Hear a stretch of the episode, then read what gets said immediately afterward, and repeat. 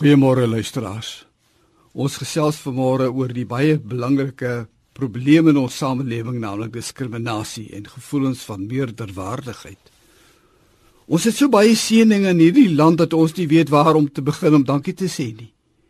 Hier woon 'n veelkleurigheid van volkerre met eie tale, eie gewoontes en vermoëns, maar ongelukkig word die verhoudinge tussen die volkerre nie gekenmerk deur gun van mekaar se lewensruimte en liefde teenoor mekaar nie.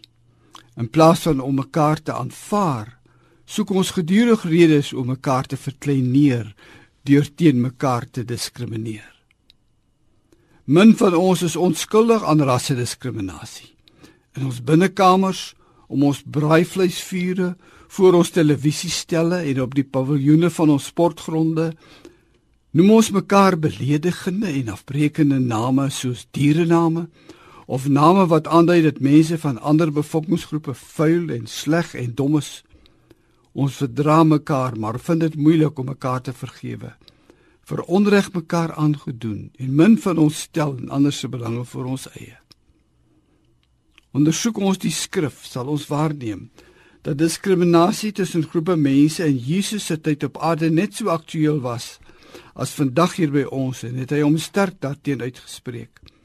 'n Voorbeeld van die wye gaping tussen die Jode en ander bevolkingsgroepe is gevind in Jesus se ontmoeting met die Samaritaanse vrou by die fontein van Jakob.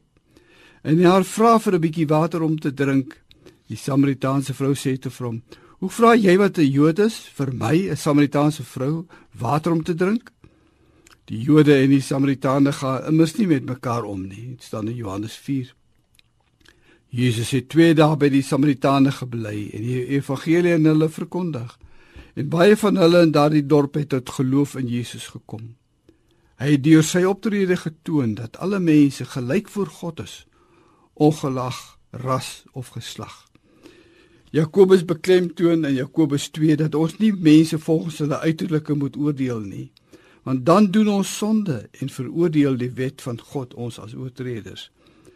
In Galasiërs 3 vers 28 het Paulus verklaar dat alle mense een in Christus is. Dit maak nie saak of iemand Jood of Griek, slaaf of vry, man of vrou is nie. In Christus Jesus is almal een. Elkeen van ons moet weet dat God alle mense na sy beeld geskape het en dat almal kinders van God is in sy oë ewe belangrik is.